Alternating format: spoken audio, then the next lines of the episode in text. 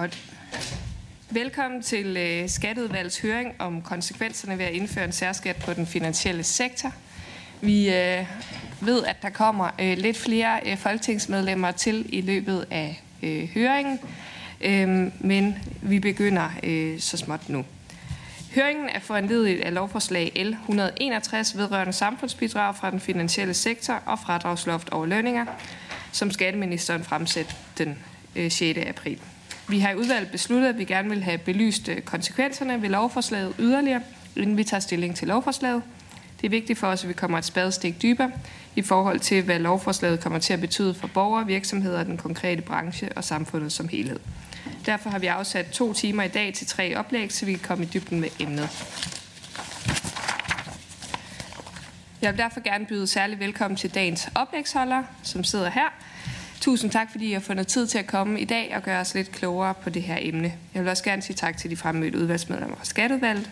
Øh, man har også mulighed for at være øh, med øh, via Teams i dag, og derfor så skal vi bruge mikrofonerne, når vi taler.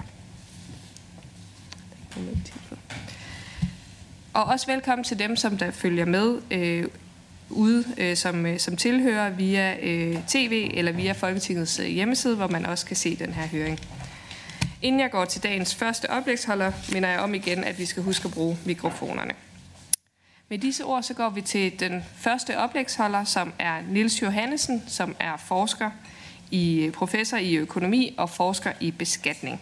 Niels vil prøve at gøre os lidt klogere på, hvordan en særskat påvirker samfundet som helhed, og komme ind på, hvilke erfaringer vi har i Danmark med det.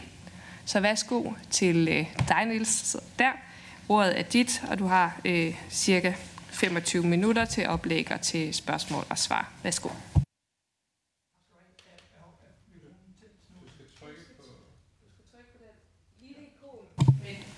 Sådan der. Godt. Øh, jamen tak for invitationen, og øh, det har været en lidt, lidt kort varsel, så, øh, så jeg håber, at, øh, at det bliver fyldesgørende, men hvis der er noget, jeg oplagt har glemt, så må vi komme ind på det senere i diskussionen.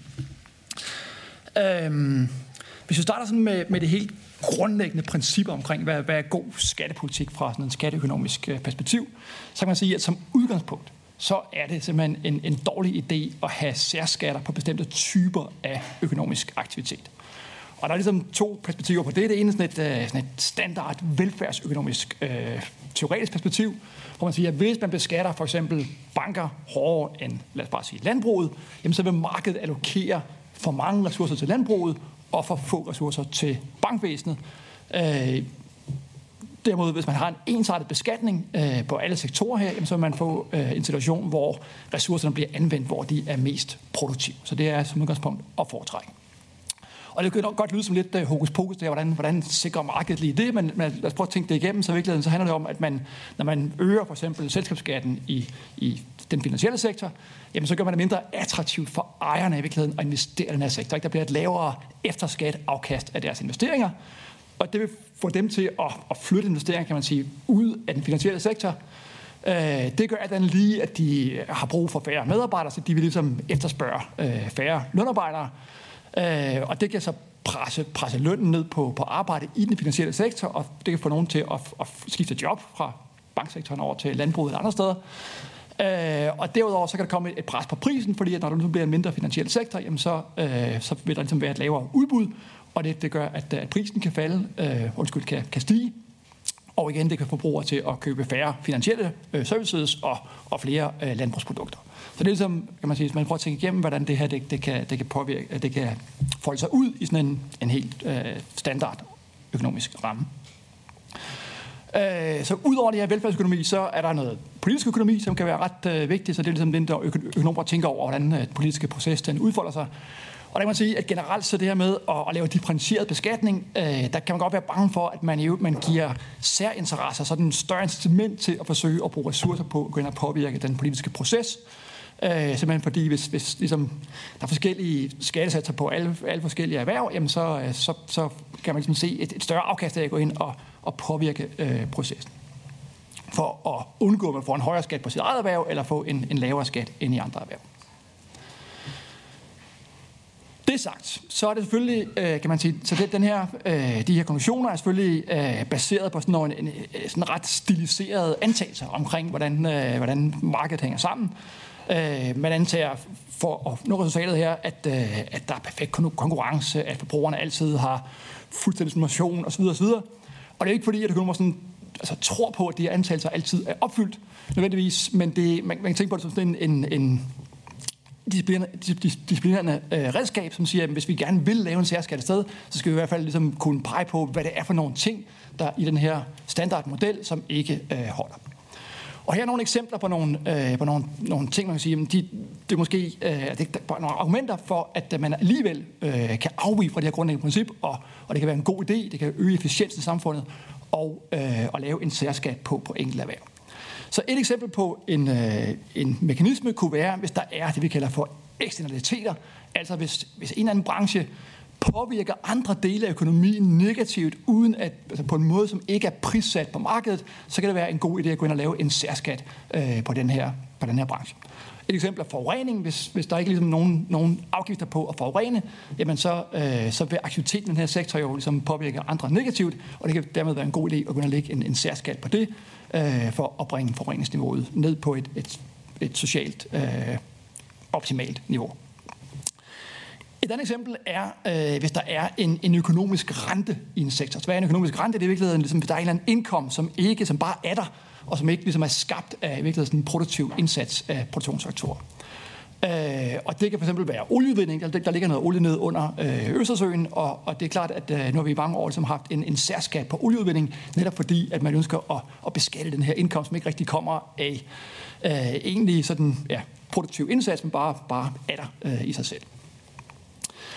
Og endelig skal man pege på, at hvis der er andre skatteforhold, der vi har mange forskellige skatter i spil på én gang, så hvis der, hvis der er andre skatteforhold, der gør, at den her branche er, er begunstiget, jamen så kan man ligesom kompensere det for eksempel ved at, at lave en særskat. Så det er sådan tre kan man sige, principielle argumenter for at afvige fra det grundlæggende princip om en ensartet beskatning og i virkeligheden lave en, en særskat på enkelte brancher. Øh, jeg vil sige mere om de her tre eksempler øh, lige om lidt, øh, men det, der er også vigtigt at holde sig for øje altid her, det er, at altså selvom om, om de her tre øh, faktorer de giver argumenter for eventuelt at lave en særskat, så skal man hele tiden huske på, at, at, øh, at, at det er kun en god idé, hvis der ikke findes et andet politisk instrument, som er endnu bedre til at, at løse øh, de her tre problemer. Så lad os starte med de her eksternaliteter. Så igen, øh, det er det her med, at, øh, at der, kan være, det, der kan være tilfælde, hvor øh, aktivitet i en given øh, branche påvirker andre i samfundet på en negativt på en måde, som ikke er prissat igennem markedet. Og spørgsmålet er nu, om finansiel aktivitet er forbundet med sådanne øh, negative eksternaliteter. Og der kan man, jeg tænker, et, ja, man kan selvfølgelig forestille sig mange ting, men sådan en, øh, en ting, som, som folk har, har, har talt om før, øh, det handler om, at øh, at der er finansielle kriser, og de, de kommer sådan med, med jævne øh, mellemrum, og de er øh, tit, eller i hvert fald i sidste omgang i 2008, øh, giver anledning til nogle store hjælpepakker øh, fra staten.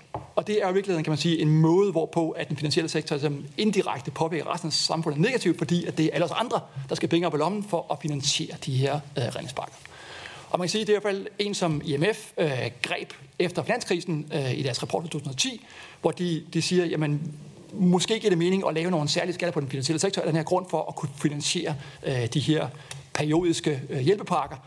Øh, og lad os tænke over, hvordan vi ligesom bedst designer sådan her særskatter på den finansielle sektor, øh, hvis, hvis det er tilfældet.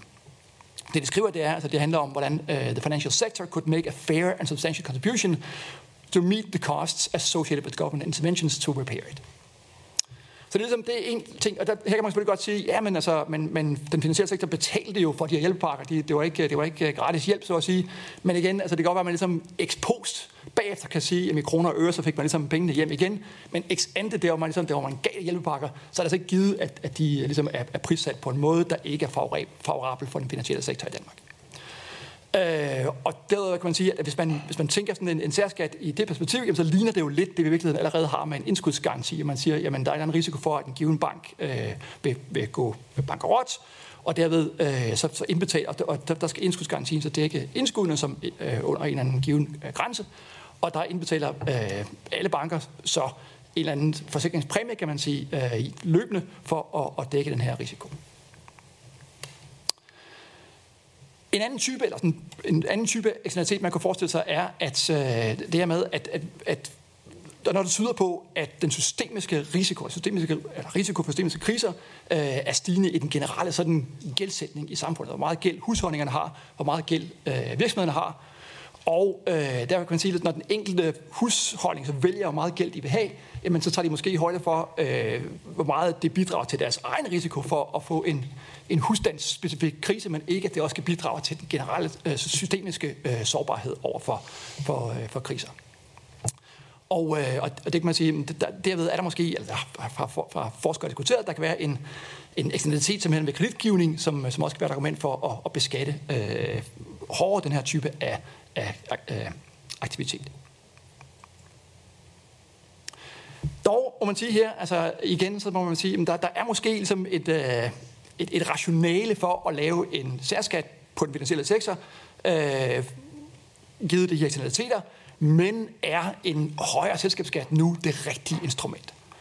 Og her kan man sige, at altså et argument imod det er, at hvis, hvis, hvis, øh, hvis man er bange for, at øh, hvis, hvis skatten er motiveret af, at man har en risiko for kriser, så kan man være bange for, at den her ekstra selskabsskat i virkeligheden vil gøre den finansielle sektor mindre robust over for fremtidige kriser. Hvorfor det? Jamen fordi, at en selskabsskat er jo dybest set en, øh, en skat på egenkapitalen, og det vil sige, at hvis man har en højere skat på øh, egenkapitalen, jamen så vil man formentlig få en substitution fra egenkapital over mod gæld, og det vil altså lige gøre bankerne mindre robuste over for fremtidige kriser. Så øh, på den led bliver der sådan en, en, en selvmodsigelse, her, ligesom, hvis man bruger en øget selskabsskat til at adressere den her eksternalitet. Man kan også sige, men er der, er der andre øh, alternative skatteinstrumenter, som kunne være bedre? Og der kan man sige, at faktisk en, en del øh, europæiske lande har eksperimenteret med øh, en, en helt anden type af skatter, øh, som man kalder dem nogle gange for bank levies. Så de er brugt for eksempel i Tyskland og i England og i Frankrig og andre øh, lande i Europa. Og, og det er en type af, af, af skatter, som ikke falder på bankernes overskud, men som falder på, ligesom på de risikable dele af bankernes øh, balancer. Så for eksempel, det kunne være en, en, en lille skat, der ligger på øh, bankernes gæld.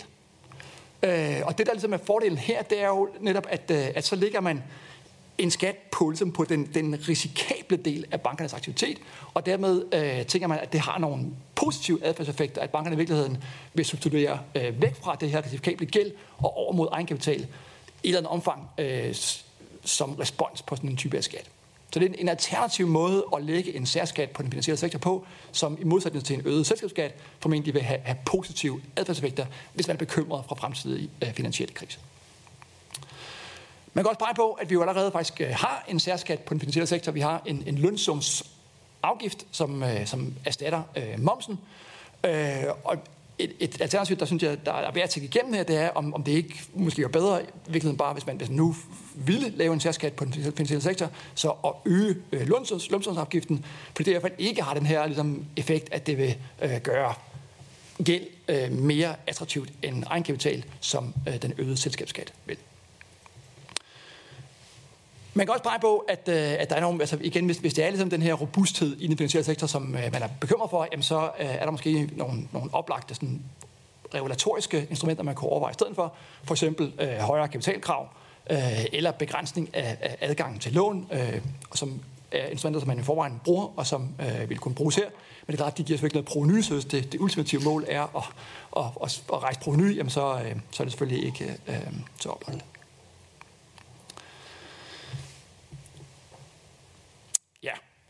Økonomisk rente er et, øh, et, et standard argument for at have en særskat på, øh, på en, en given sektor. Øh, kan, vi, kan vi tale om, at der er en, en økonomisk rente i den finansielle sektor? Øh, det er oplagt, at, at vi har ikke, øh, den finansielle sektor bruger ikke olie som, øh, som input, så det er ligesom ikke, det er ikke, at de laver olieproduktion. Men man kan for eksempel øh, forestille sig, at sådan en rente ville komme fra, at der var lav konkurrence i finanssektoren. Øh, det kunne gøre, at der er en, en monopolrente, som man kunne ønske at, at beskatte. Her øh, jeg må sige, altså, så, så hvordan er konkurrencesituationen så i, øh, i banksektoren i Danmark? Øh, der er en rapport, som øh, banksektoren selv har finansieret, men, men er lavet af, af dygtige økonomer, som peger på, at, øh, at i hvert fald sammenlignet med andre europæiske lande, så er konkurrencesituationen ikke dårlig i Danmark. Så der er en lidt højere øh, markedskoncentration i Danmark end i sammenlignelige lande, men der er også lavere driftsomkostninger og virkelig en højere kundemobilitet end i sammenlignelige lande. Så der er ikke noget, der, der tyder på her, at, øh, at der er en meget dårlig konkurrence sammenlignet med, med andre europæiske lande.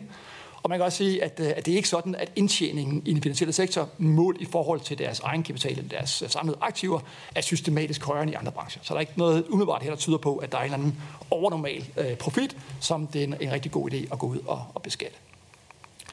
Og endelig, hvis det, hvis det virkelig er det her, der er bekymringen, at man har øh, for lav konkurrence i den finansielle sektor, jamen så er det rigtige instrument måske ikke at lægge en, en særskat, så er det snarere at, at gå ind og stramme på konkurrencelovgivningen, eller gøre andet, der sådan mere målrettet øh, øger konkurrencen i sektoren.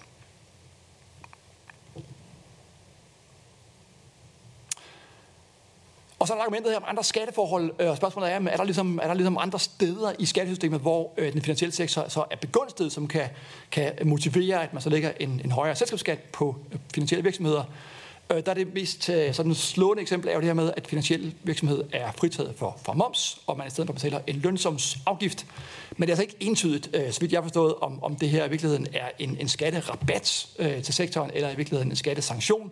Øh, skatteredegørelsen fra 2019 øh, har en beregning på det, og en, en fodnote om det, og det, det, det virker som om, de er i tvivl simpelthen. Og jeg tror, det, det hænger sammen med, at, øh, at, at det simpelthen ikke er oplagt, hvordan man i virkeligheden skulle lave en moms i den finansielle sektor. Så derfor er det altså ikke, øh, det er ikke oplagt, hvad, hvad alternativet er til den her løns, lønsumsafgift, som man nu øh, har i dag. Men det er i hvert fald ikke, det er ikke klart, at det her er et godt argument for at lave en særskat i finanssektoren. Så alt det, jeg taler om indtil nu, det handler virkelig om, om efficiens, kan man sige. Det her med, om man ligesom kan man, øh, så, så, hvordan gør vi øh, kagen så stor som muligt, og hvordan ligesom undgår vi i så høj grad som muligt at gøre kagen mindre, når vi beskatter. Og man kan selvfølgelig godt sige, jamen, øh, så efficiens er jo ligesom kun én ting, man kan være bekymret for, hvis man, er, hvis man er, øh, laver skattepolitik. Øh, og en anden ting er selvfølgelig omfordeling, det er klart. Øh, og øh, så man kan sige, jamen, at, at det er så et godt argument for at lave en særskat i finanssektoren, at man, øh, man gerne vil, vil, vil bruge den til at omfordele.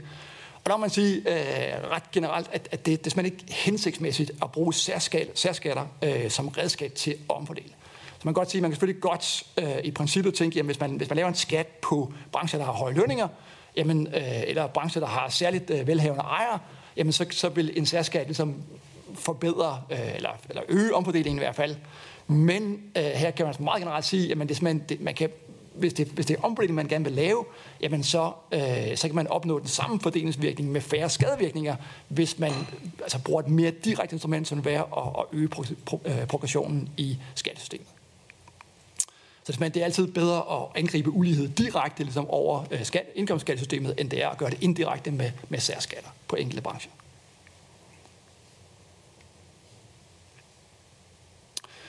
Så hvis det så alligevel er omfordeling, man har i, i tankerne, så er det selvfølgelig oplagt at tænke over, jamen, hvem er det så, der til syvende og sidst øh, betaler regningen for sådan en særskat. Og der kan man sige, øh, at, at det man gør direkte ved at hæve øh, selskabsskatten i finanssektoren, jamen, det vil være at ramme ejerne øh, i finanssektoren, men som, vi, som jeg argumenterede for øh, i starten, jamen så, så kan man øh, sagtens forestille sig, at, øh, at en del af regningen her så bliver overvæltet på andre grupper, for eksempel øh, lønmodtagerne i sektoren eller forbrugerne, øh, som både er husholdninger, men også øh, virksomheder.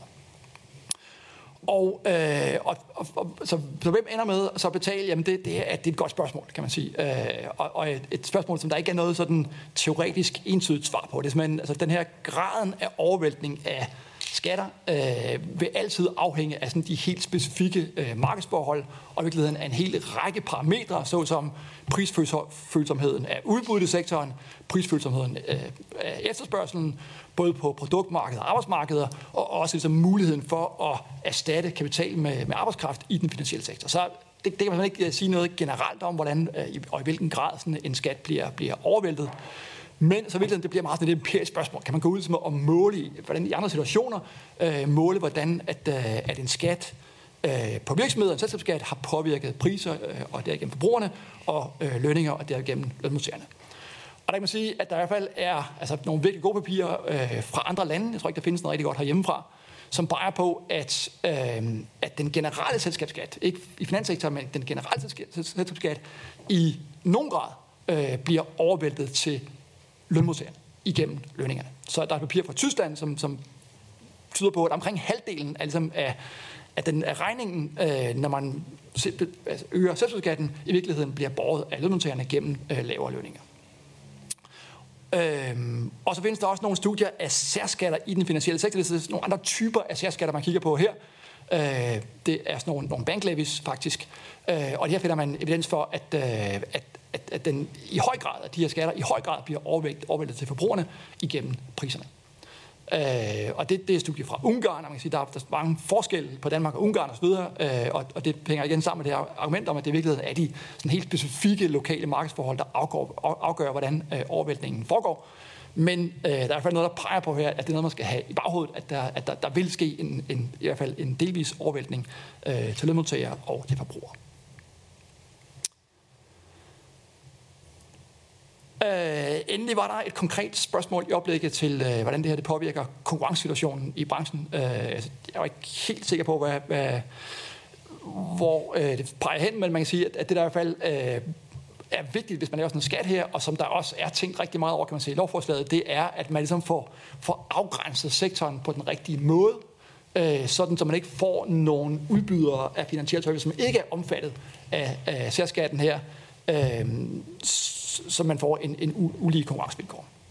Og hvad der kan man forestille sig for eksempel udenlandske banker, som øh, leverer service i Danmark, at de skal selvfølgelig øh, beskattes på samme måde, og det øh, vil de også, i hvert fald hvis de har et fast drift og så videre, øh, blive. Øh, og man kan tænke på andre danske virksomheder, som udbyder, udbyder finansiel service, der kommer jeg altså sørge for at få så mange af dem øh, ind under paraplyen som muligt. Øh, og her en potentielt bekymring kunne være sådan nogle leasingvirksomheder, som virkelig også laver øh, finansiel service, men som jeg forstår det ikke er omfattet af lovforslaget her. Godt, jeg ved ikke helt, øh, hvordan det går med tiden, men jeg er i hvert fald øh, næsten færdig, så jeg har lige sådan en helt kort opsummering her, så jeg vil sige, at øh, ja, så altså økonomisk teori vil ligesom øh, sådan på det helt generelle plan siger, at som udgangspunkt, så er det at foretrække at rejse proveny med generelle skatter frem for særskatter på bestemte erhverv. Så hvis målet bare er at rejse proveny, jamen så skal man nok tænke i den retning øh, i stedet for. Der er dog forskellige argumenter øh, for særskatter. Det stærkeste lige her er formentlig, øh, at hvis, hvis der er eksternaliteter af finansiel formidling, jamen så kan det være et argument for at have en særskat på den finansielle sektor.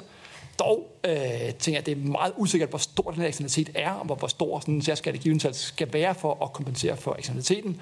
Og øh, som jeg pegede på, så, så er der formentlig bedre redskaber, som bare har, har færre, øh, som også ligesom lægger en særskat på finanssektoren, øh, men som har bedre øh, egenskaber i form af de adfærdsresponser, man har forvente.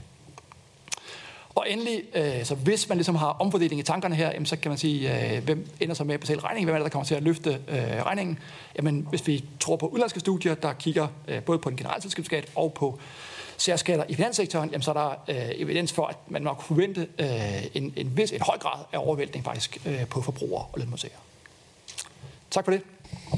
Tusind tak for det. Det var super spændende. Og øh, nu er der tid til spørgsmål. Louise Schack Elholm, Venstre. Værsgo. Tak. Og man kan altså ikke se, at det er på kort tid, du har lige har kaldt dig til det her. Det her var virkelig et, et rigtig spændende oplæg. Øh, jeg vil ønske, at der havde været flere til stede.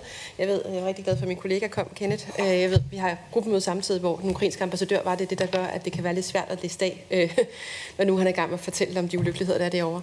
Øh, men, øh, men det har været utrolig, utrolig spændende. Nu siger du, det her, de studier, der har været med særskatter i andre lande, det er ikke på samme type særskatter. Øh, men altså, nu, nu jeg har hørt, at øh, Forsikring og Pension har været på besøg i Skatteudvalget i sidste uge, og fortalt, at det er i særdeleshed øh, to øh, forsikringsselskaber bliver ramt af det her, fordi de ikke er medlems- eller kundeejet, øh, men de bliver ramt hårdere end alle mulige andre. Så det virker jo som om, at det er meget på baggrund af, hvilken virksomhedsform man har valgt. Altså, kan du vurdere, hvad det har betydning for konkurrencesituationen? For det lyder jo som om, det er en forvridning af den konkurrencesituation, der er bare inden for den branche. Altså, og det kan vel også have en betydning for, om folk de så vil forsikre sig eller øh, pensionsudspare, altså i stedet for øh, det, de gør i dag, hvis det bliver dyrere. Hvad, hvad, hvad er dine tanker på det? Værsgo. Tak.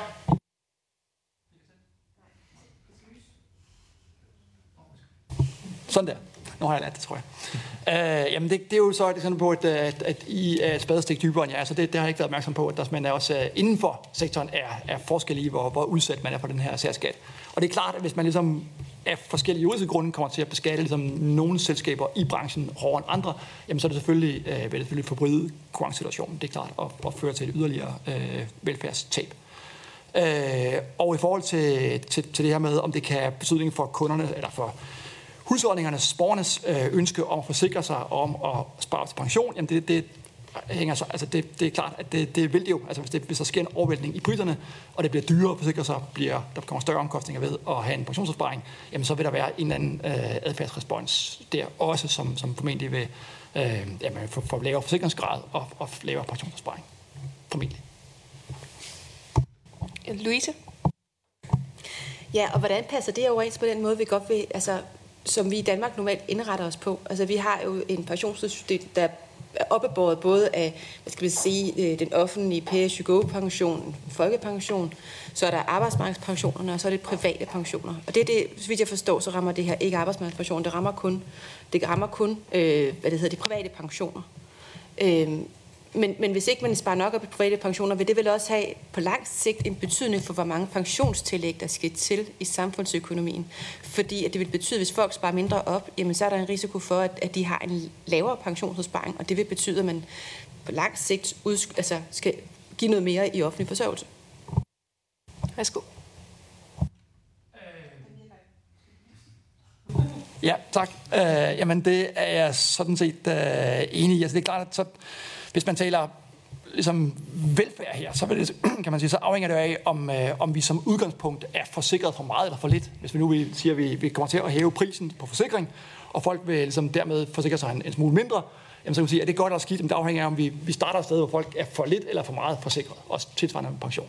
Og det tror jeg ikke, jeg har sådan noget rigtig godt svar på i virkeligheden øh, lige her, men, men jeg er selvfølgelig enig i, at det også har så igen konsekvenser for, for, skattens, for statens øh, udgifter til, til, til pension osv., øh, hvis, hvis det får en effekt på private pensioner. Tak for det. Så har jeg lige selv et, et spørgsmål. Du har det her argument om, at en særskat øh, skaber forvridninger. Kunne du ikke lige repetere, øh, hvordan de forvridninger, sådan, øh, kan man sige, sætter sig i samfundsøkonomien? Jamen det er det med, at hvis man, øh, hvis man beskatter, hvis man har to sektorer, og man vælger at beskatte den ene hårdere end den anden, øh, ved for eksempel at have en større selskabsskat i den ene sektor i den anden sektor, jamen så vil det jo alt andet lige så, som udgangspunkt, så er det en skat på, på ejerne, kan man sige, den her sektor, som er hårdt beskattet. Og øh, det vil sige, at afkastet ved at investere i sektoren efter skat vil blive lavere, end, øh, end det ellers ville. Og det vil føre til, øh, som udgangspunkt, de her ejere vil, vil, vil, vil, vil investere mindre i den hårdt beskattede sektor, og øh, pengene skal jo placeres et sted, så vi også placere, øh, investere mere i den anden sektor. Og hvad sker der så i den her hårdt beskattede sektor, når der ligesom er, er færre investeringer og mindre ejerskab? Det vil også betyde, at man ligesom har brug for færre ansatte, fordi at kapital og lønmodtagere øh, hænger sammen i den forhold, så man vil ligesom efterspørge mindre arbejdskraft. Øh, og det vil presse, presse lønnen ned i den her sektor, som er hårdt beskattet. Og det kan få for nogle af de her mennesker til at sige, at så er det måske bedre at arbejde over i den lavt beskattede sektor, hvor, hvor lønnen så øh, er, som den var før. Og det, der bliver trukket arbejdskraft øh, fra den hårdt beskattede sektor over den lavere beskattede sektor. Og så øh, overvæltningen på priserne, ikke, der kan man sige, jamen altså hvis, hvis der nu er, er færre mennesker til at producere, og mindre kapital til at producere den her hårdt beskattede sektor, jamen så vil der være en, en mindre produktion, mindre udbud af de her øh, de ting, man nu laver i den hårdt beskattede sektor. Øh, og det vil alt andet lige presse priserne op, og vil få brugerne til at, at efterspørge mindre af den her, den her ting, der bliver produceret, og bruge deres penge et andet sted, som så er over den her den lavt beskattede sektor. Og var en af de argumenter, som du fremførte, øh, som jeg husker det rigtigt, var det, at lønningerne generelt ikke er højere i den finansielle sektor end øh, i andre sektorer? Fordi det vil jeg umiddelbart tro, at de var. Det tror jeg ikke, jeg har sagt noget om. Øh, okay. Men det er klart, spørgsmålet er, om der er en eller anden... Øh, altså, så du skal sammenligne æbler og pærer, ikke? så det er som, øh, om, den, om den samme person øh, med de samme kvalifikationer og den samme uddannelse får en højere løn i finanssektoren end andre steder. Øh, og det må jeg sige, det, øh, det kan jeg ikke se, hvor man skulle være tilfældet, fordi at, altså man kan sige, hvis, man, hvis det var meget bedre arbejde der, så skulle man jo få et større udbud af arbejdskraft øh, der, og det skulle presse lønnen ned. Øh, men, men det har jeg ikke lige noget, øh, nogen tal på, må jeg sige, ved hånden. Altid. Er der flere øh, spørgsmål til Nils for nu? Hvis jeg lige må, tilføje, man sige, så det der var, øh, argumentet var, altså, eller, at selv hvis du har ligesom, øh, flere højtuddannede i finanssektoren andre steder, og selv hvis, øh, hvis en del af overvæltningen af den særskat kommer på lønningerne, sådan, så det presser lønningerne ned øh, i finanssektoren, og selvom man synes, at, at det er en god, fordeling, god idé med omfordeling, så er det ikke den rigtige måde at omfordele på. Altså den rigtige måde, hvis man ønsker sig at højere skatter på, øh, på højtlønnede mennesker, jamen så skal man gøre det gennem indkomstskatten, og ikke ved at lave særskat på sektorer, hvor lønningerne er høje. Okay. Super. Tak for det. Så øh, tænker jeg, at vi går videre til øh, det næste øh, oplæg, som er Ken Damsgaard, administrerende direktør i Forsikring og Pension. Og Ken vil tale lidt om, hvordan særskatten rammer forsikringsbranchen, ligesom han vil komme ind på, hvad der kendetegner øh, de virksomheder, som rammes af særskatten, og hvordan det påvirker konkurrenceevnen i forhold til de udenlandske forsikringsselskaber. Så værsgo, Kent. ordet er dit. Jamen tak for det, og tak fordi I tager tid til, at vi kan lidt mere dybdegående øh, behandle den her øh, særskat, som jo virkelig gør det svært på mange måder øh, for os i, øh, i vores branche, og det vil jeg prøve at, uddybe lidt her. Først og fremmest så vil jeg sige lidt om, hvad er det egentlig for en branche, jeg repræsenterer. Det er sådan, at forsikring- og pensionsbranchen er rigtig gammel. Øh, nu er tallene hoppet lidt heroppe, men ellers skal man se, at det første forsikringsselskab fik vi i 1731. Man gik sammen i lokalsamfundet, fordi man havde problemer med brænde. Og når en bygning brændte ned, så øh, betød det simpelthen, at der skulle stå familiefædre og se på sine 6-7 børn, og kun have råd til at måske brødføde halvdelen. Og det er ud af en tanke, at vores forsikringsselskaber er kommet med at gå sammen i lokalsamfundet rundt omkring i landet, for at sikre en uheld derude, så hjælper man hinanden i de her fællesskaber, hvor man deler risiko. I 1900, det nye mærkedag, der får vi det første pensionsselskab, hvor man sparer op til egen pension. Og i 1987, der får vi så fælleserklæringen, der bander, bander baggrund for, at vi får rullet arbejdsmarkedspensioner ud bredt på det danske arbejdsmarked. Så stort set alle har noget supplerende til folkepensionen. Så vi er en sektor, der sådan set kom før den offentligt finansierede velfærd, ved at udvikle sig i takt med den offentligt finansierede velfærd, og i dag øh, vikle sammen med den offentligt finansierede velfærd på mange forskellige øh, måder. Hvis man ser på, hvad det er for nogle selskaber, jeg repræsenterer, så kender jeg også nogle af dem, øh, de meget store. Øh, men i virkeligheden er der øh, 80 små forskellige selskaber rundt omkring i landet. Det er mange lokale forsikringsselskaber. Det kan være Vandsysselforsikring, Tisted Forsikring, øh, Sønderjysk Forsikring, Øhm, det er kundeejet forsikringsselskaber. Det er langt de fleste af vores selskaber herhjemme. Det er kundeejet. Det er ejet af kunderne. Der er ikke andre, der ejer dem end kunderne. Så har vi også nogle store forsikringsselskaber, der typisk er ejet både af kunder og, og andre investorer. Der kan være børsnoterede. Det kan være typisk være pensionsopsparer via deres pensionsselskab, der også er medejere. Så repræsenterer vi arbejdsmarkedspensionerne, øh, som øh, især blev rullet ud efter 1987, men også de kommercielle pensionsselskaber, som jo også dækker bredt, altså hele arbejdspladser, om man er ufaglært, faglært eller højt uddannet. Det er de selskaber, jeg taler på, på vegne af øh, her i dag. Samlet set er der beskæftiget 20.000 øh, mennesker i, øh, i branchen, og vi plejer at sige, at næsten alle danskere har en øh, forsikring. Det er 9 ud af 10, der har så det er næsten alle familier, vi har kontakt med.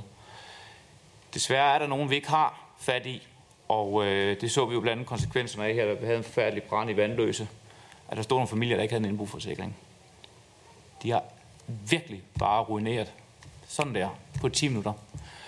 Derfor gør vi utrolig meget i branchen for at få de sidste med til at tegne en forsikring. Det er typisk folk, der ikke har så stort råderum, så vi gør meget ved at oplyse.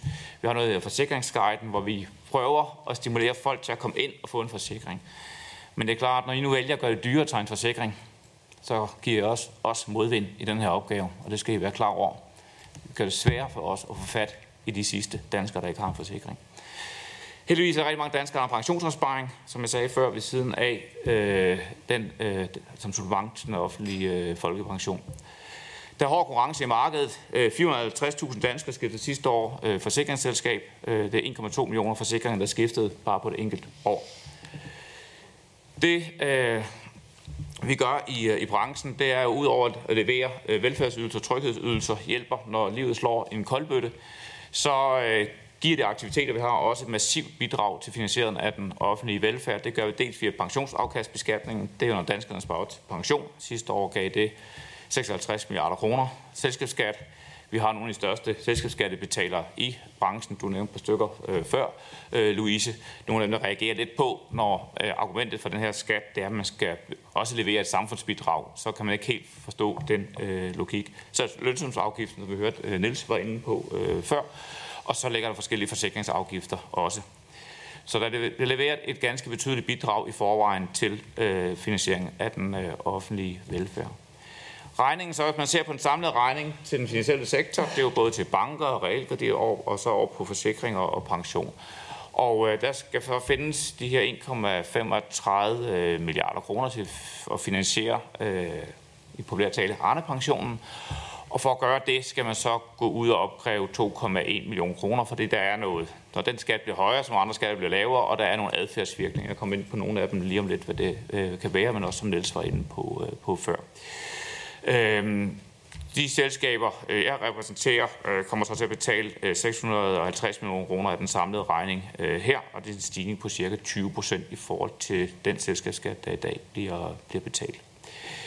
Hvem er det så, der kommer til at betale? Fordi er det så sådan alle, dem jeg viste før på landkortet, kommer til at betale 20 procent mere? Øh, det er det ikke. Øh, det første og fremmest er alle forsikringsselskaberne. Øh, det er både de kundeejede, og det er, de, øh, det er dem, der ikke er kundeejede. Men det virker forskelligt. Det er sådan, at de har vidt forskellige forretningsmodel. Der er ingen tvivl om, at vi har nogle meget store forsikringsselskaber, der kommer til at betale en meget, meget stor del. Der, vi har også nogle mindre, der kommer til at betale en stor del, og så har vi nogle, der betaler en mindre del, og det afhænger fuldstændig af, hvordan de, deres forretning er, er sat op. Øh, og det synes vi er ret uhensigtsmæssigt, at hvordan man for 50-100 år siden har, har, har sat sin virksomhed øh, eller sit forsikringsfællesskab øh, i søen, at det nu får betydning øh, for, øh, hvor stor en regning man skal have her. Der er en række pensionsselskaber, kommer til at betale. Det er typisk dem, der du kan private pensioner, men det er jo stadigvæk, på, hvis du er på helt almindelig arbejdsplads, og du er 3F'er, der er ufaglærte, der er kontoruddannet, faglært osv., der har man en firmapensionsordning, hvor man betaler måske 12-15 procent ind til den. De bliver ramt. Mens man skifter over til en anden arbejdsplads, hvor man har en, øh, en overenskomstbaseret øh, pension, så bliver man ikke ramt. Så det er lidt tilfældigt, hvorhen man så lige har job. På samme måde det er tilfældigt, om hvorhen man har sin øh, tegn, sin forsikring. Så det rammer øh, ganske øh, forskelligt. Øh, men uanset det, der står tilbage, det er i hvert fald, at det gør det øh, dyrere øh, at drive forsikring og pensionsselskab. Det gør det dyrere at tegne både forsikring og, og pension i en lang række øh, selskaber. Og derfor mener vi også, at det kommer til at forvride konkurrencen rigtig meget internt i, i de selskaber, øh, jeg øh, repræsenterer. Øh, især er det i forhold til konkurrence med udlandet, det kommer til at give os øh, nogle problemer. Vi vil jo rigtig gerne have, at der kommer udlandske konkurrenter ind og etablerer sig i Danmark. Det giver et større udbud af både forsikringsydelser, man kan også gøre på pension. Konkurrence det er rigtig godt, men det skal være konkurrence på lige vilkår. Der, hvor vi har set de senere år, der er kommet nye konkurrenter ind, det er ikke ved at etablere sig i Danmark, men ved det, der hedder grænseoverskridende salg. Det vil sige, at man etablerer sig måske i Liechtenstein, der havde vi et eksempel for et par år siden. Så laver man en agentur i Danmark, og selskabet Liechtenstein er ikke underlagt det danske finanstilsyn, og så sælger man forsikringer ind i Danmark. Vi så det tilbage der for nogle år siden. Man solgte ejerskifteforsikringer i voldsomt omfang. 23.000 familier fik nogle gode, billige ejerskifteforsikringer. Dem tegnede man så og troede, at man var godt dækket. Så krakker selskabet Liechtenstein. Der er jo ikke nogen i Danmark, der fører tilsyn med det. Så har vi 23.000 familier, der står uden ejerskifteforsikring, som vi så skal på en eller anden måde prøve at få håndteret i branchen. Øh, samtidig har man så gjort det, at ejerskifte øh, forsikringsmarkedet er blevet voldsomt udfordret i det, og hvis nogen af jer prøver at købe hus for nylig, vil I kunne se, at øh, det er noget, vi kæmper med for det marked til at fungere igen. Men det er sådan nogle typer forretningsmodeller, I nu kommer til at stimulere med den her særskat, fordi de betaler ikke særskatten, men det gør det forsikringsselskab, I øh, har jeres forsikring ved i dag, øh, helt sandsynligt. Så det er et andet problem. Udover at det bliver sværere for os at få fat i den sidste tiende del, der ikke har en forsikring, så er det altså med til at stimulere nogle af de her grænseoverskridende salg, hvor man kommer ind fra nogle selskaber, der ikke er underlagt øh, dansk øh, tilsyn, og sælger nogle forsikringer, som lokker nogle familier ombord i noget, som viser sig ikke rigtigt er det, som, som det giver sig ud for at, at være. Øhm, man kan sige, øh, noget af det, der har diskuteret rigtig meget, det er jo, og som også Niels var inde på, hvordan overvældes det her? Er det ejerne, der betaler, eller er det de ansatte, der kommer til at betale, eller er det kunderne? Det er som de tre steder, medmindre man har pengetræ. Øh, man kan sige, dem, der er kundeejet, der er det jo kunderne under på en eller anden måde øh, alligevel. Ikke? Øh, Men, men ellers så er det jo så enten de, de ansatte, eller også så er det jo så øh, ja, kunderne, der kommer til at betale. Og det bliver jo overvældet i et eller andet omfang. Om det er halvdelen eller to tredjedel, det afhænger af markedsdynamikken. Øh, og det, det kan jeg ikke give noget øh, præcis bud på, men der er ingen tvivl om, det bliver bare dyrere. Om det bliver fuldt ud de 650 millioner dyrere, eller om det kun er halvdelen eller to tredjedel, det ved jeg ikke. Men det bliver dyrere at tage en indboforsikring, øh, husforsikring, almindelig ulykkesforsikring, bilforsikring. Øh, og øh, øh, siger vi, I giver os lidt modvind øh, på den her sidste del af befolkningen, der ikke har en forsikring i dag, så kommer det jo oveni, nu har vi den højeste inflation i 40 år. Ikke? Det er jo ikke fordi, at, øh, at, at danskerne ikke er udfordret, og især ikke den her gruppe af danskerne ikke er udfordret i, øh, i, i forvejen. Så det synes vi er, er rigtig ærgerligt. Noget af det, vi synes, der er godt, der er kommet med i den endelige aftale, det er jo, at når man skal finansiere Arne-pensionen, så har man jo lagt op til aftalen, at øh, man kan gøre det ved, øh, ud over særskatten, at så skal man prøve at hente et proveny fra, øh, at man bekæmper moms og afgiftssnyd, øh, som man har i, øh, i desværre i, øh, i nogle yderdele af, af dansk øh, erhvervsliv. Og, øh, og der har man også rundt ind i aftalen, at når der går med at komme proveny ind fra bekæmpelse af moms og afgiftsnyd via de digitale kasseapparater, altså hvor man sørger for, at der er dokumentation for, hvad der bliver solgt ude i for eksempel kiosker, så skal det proveny gå til at nedbringe særskatten tilsvarende. Vores bøn det er, at I venter med at indføre den her særskat, til vi får rullet digitale kasseapparater ud. Vores håb er, og vores tro er, at man kan finde stort set hele provenyet, eller i hvert fald meget stor del af det. Så hvis I skal indføre en særskat, at den så bliver væsentligt mindre end det, der er, er lagt op til her. Der er nogle øh, studier fra Sverige, hvor man har indført øh, digitale kasseapparater sammen med en effektiv øh, kontrol, hvor man henter et proveny øh, fuldt ud, eller tilsvarende dem, der skal opkræves her. Det har den fordel, hvis man henter det, og virkelig I gør noget mere opmærk, altså, jeg ønsker virkelig at lægge noget mere vægt på den del, at i stedet for at skabe en ulige konkurrencesituation i en branche, der er en af de største skattebetalere i forvejen, der er en del af vores samlede velfærdstryghedssamfund, så kan I gå ind faktisk og afhjælpe et konkurrenceproblem i den her sektor. For det er godt nok svært at være lovlydig kiosk og sælge sin vare, hvis man på den anden side af gaden ikke betaler moms, ikke betaler afgift, så går folk jo derover og køber det til halv pris. Så jeg vil virkelig håbe, at I lægger noget mere vægt på den del, og vores bøn der er, at noget af det store proveny, der for eksempel kommer ind i 2021, som man overhovedet ikke har regnet med fra pensionsafkastbeskatning, at man siger, at det har i hvert fald givet noget robusthed i de offentlige finanser, så måske man kunne vente et år eller to med inden for den her særskat, og så samtidig fremrykke indsats med digitale kasseapparater og se, om man ikke kunne hente en betydelig del af provenyet der øh, og den vej rundt øh, finansiere øh, Arne-pensionen. Vi, jeg håber virkelig, at vi prøver at kigge noget mere i, i den retning. Det vil være en kæmpe hjælp for os, når vi skal ud og fat i de sidste danskere, at de skal tegne en forsikring, og vi skal fortælle pensionsopsparerne, at, øh, at Folketinget ikke mener, at det er negativ eksternalitet, at de sparer op til pension. Jeg hørte, at øget gældsætning kunne være negativ eksternalitet, men at man gør det modsatte, og at man så lægger en skat på det, det synes vi er lidt øh, ærgerligt. Jeg tror, det var det, som øh, jeg vil sige. Tak for Tusind tak for det. Så er det tid til spørgsmål. Kenneth Mikkelsen fra Venstre, værsgo. Tak for det, og, øh, og, og tak til dig, igen for, for gennemgangen også. Øh, sådan en anelse dybere, end da du besøgte os i udvalget for en, en uges tid siden. Det her med, at, at det rammer skævt ind i branchen. Jeg bliver nødt til at lige prøve en gang til for min skyld øh, og, og, og, og forklare og åbenbare. Øh, jeg er helt med på det her med, at, at de udlandske virksomheder øh, vil få en konkurrencefordel, øh, hvilket jeg også synes er, er stærkt betænkeligt. Men, men det her med, at, at internt imellem de danske selskaber, øh, kan, du, kan du ikke prøve at folde det lidt mere ud for mig? Jo, og, og tak for det. Og der er ingen tvivl om, at det er jo konkurrencen til de udlandske selskaber, ikke de udlandske, der etablerer sig i Danmark, dem hilser vi til dels velkommen. Det er med til at give noget dynamik og innovation og udvikle nye produkter, men dem, der sælger ind fra udlandet ind i Danmark, der ikke er til, øh, tillagt det samme øh, tilsyn og som branchen går ud efter. Det er det, vi synes, der er absolut den, den største udfordring. Men der vil der give en forvridning. Lad mig give et eksempel. Hvis du har kundeejet forsikringsselskab, så er der nogle kundeejet forsikringsselskaber, der siger, jamen det er jo kunder, der ejer. Så vi behøver, vi vil gerne have, at der ikke er noget overskud. Så I skal sætte priser efter, at der ikke er noget overskud. I skal bare løbe rundt, fordi det er kundeejet. Andre kundeejede selskaber, de siger, vi ønsker faktisk, at der er et overskud på samme måde, som der er i resten af branchen. Og hvis der er et overskud, så betaler det tilbage som en bonus til kunderne der er nogen, der har hørt om, så får man sådan en bonus tilbage, fordi der har været færre ulykker, end der egentlig har været præmieindtægt, der får man det tilbage. Og afhængig af, hvem så gør det, så kan du faktisk blive pålagt den her særskat. Og det er jo, det er jo helt, det forstår vi ikke hvorfor, at, hvordan du nu har valgt at drive det forsikringsselskab. Hvis du også har et forsikringsselskab, der så ikke ejer kunderne, øh, men er ejet af nogle af pensionsopsparerne, fordi der er nogle pensionsselskaber, der går ind og købt øh, andel i det her forsikringsselskab. Så man siger, det er jo også danskerne, der ejer det her, men de har behov for at få et afkast, fordi man, som pensionsopsparer ønsker du jo ikke, at du skal investere dine pensionsmidler i noget, der ikke giver et afkast, fordi det er jo det, du skal leve af din alderdom. Så, så der er nogle, nogle dynamikker her, som, som er, er, er ret øh, uheldige. Så kan man sige, så kan man jo bare øh, indrette sig sådan, at de kundeejet, at de sørger for at øh, sige, jamen det skal bare prøve at gå i nul, for så bliver du ikke ramt af den her øh, særskat. Men så får du jo virkelig et pres på dem, der så for eksempel ejet nogle pensionsselskaber, eller ejet andre, eller selvejende. Hvordan, hvordan kan du så øh, balancere øh, det ud? Og god skattepolitik er jo sådan, at man prøver at lave noget, der er ensartet, der ikke gør, at du skal sidde og hyre dyre advokater til at indrette eller en eller anden mærkelig selskabskonstruktion og føre pengene frem og tilbage for at undgå at betale en speciel skat.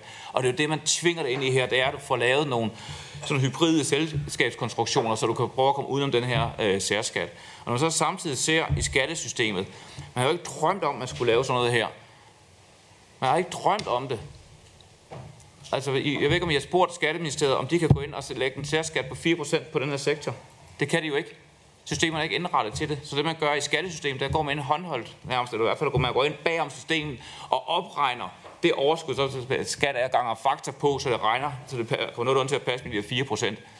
Fordi systemet er heller ikke indrettet til det. Så det, man skaber her, det er jo både i skattesystemet, i administrationen og i kontrollen, et værre moras, og det gør man så også øh, ude, i, øh, ude, ude i branchen. Så jeg synes, man skulle lade det være fuldstændig op til det enkelte forsikringsselskab, hvordan de øh, indretter sig, øh, og så behandles man skattemæssigt neutralt øh, ud øh, fra det.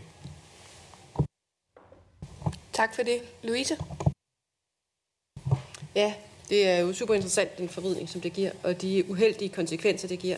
Jeg er særligt bekymret for dem, der overhovedet ikke har nogen forsikring, fordi at øh, det giver en mangel på tryghed for danskerne. Øhm, men, men jeg kunne også godt tænke mig lige at bruge lidt mere i, altså nu har I jo pensionsselskaberne, I har både arbejdsmarkedspensionsselskaber og private pensionsselskaber. Øh, og, øh, og jeg har selv en fortid i en arbejdsmarkedspension. Og jeg kan huske, hvordan man sad og regnede på, at man ikke skulle bidrage mere til pensionen, end man undgik at få for meget modregning, når man nåede pensionsalderen. Og derfor så var overenskomsterne sat efter, at man ikke ville opnå modregning i sin pensionsopsparing. Så man satte lige til grænsen, så man fik mest ud af det offentlige system. Og derfor så de pensioner, som folk de så lagde ovenpå, gjorde typisk, at de fik ret meget modregning. Øhm, er, er det stadigvæk gældende? Fordi så er der vel en risiko for, at det her det betyder større udgifter på sigt, og det ved jeg slet ikke, om man regnet ind i regnstykket på det her lovforslag.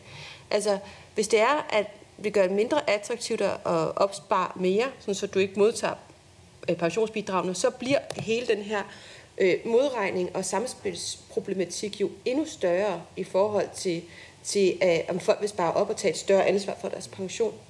Øh, er det noget, som I har et overblik over? Tak. For det første kan man jo give ros til Folketinget for gennem de senere år, også nu med nedsat pensionskommission, der lige er kommet sin anbefaling, for at se på den her modregningsproblematik. Og der er taget nogle ret afgørende skridt de senere år for, at det samspil mellem det, du sparer op selv, og den offentlige pension, det virker langt bedre i dag. Og det er jo rigtig positivt, så vi kan sige til alle danskere, og forhåbentlig også, hvis man gennemfører pensionskommissionens anbefalinger til alle danskere, det kan betale sig at spare op til pension, uden det bliver modregnet tilsvarende. Men der er stadigvæk en vis altså, der er jo en, en vis øh, modregning, så når du sparer op, så, så, så mist, det er jo en del af det, at så får du lidt mindre folkepensionstillæg, fordi det er netop målrettet dem, der ikke øh, har så meget. Og jo færre der så vælger at spare op, så kommer der en effekt. Der kommer en regning til det offentlige på det her, for det har jo en effekt. Altså, det, det, det kommer til at, og uden tvivl kommer der en regning øh, hen ad vejen. Men det gør det jo også på, på forsikringssiden. Det gør det både dem, i forhold til din ulykkesforsikring. Mange steder går vores, øh, de forsikringer, der kører på den enkelte taber erhvervsevne, øh, forskellige ulykker, helbredsforsikring osv. Det er jo et tæt samspil med de offentlige ydelser. Og det er klart, at jo færre, der vælger at forsikre sig, jo større regning lægger der så bare på de, øh, på de offentlige kasser. Det er der ingen tvivl om.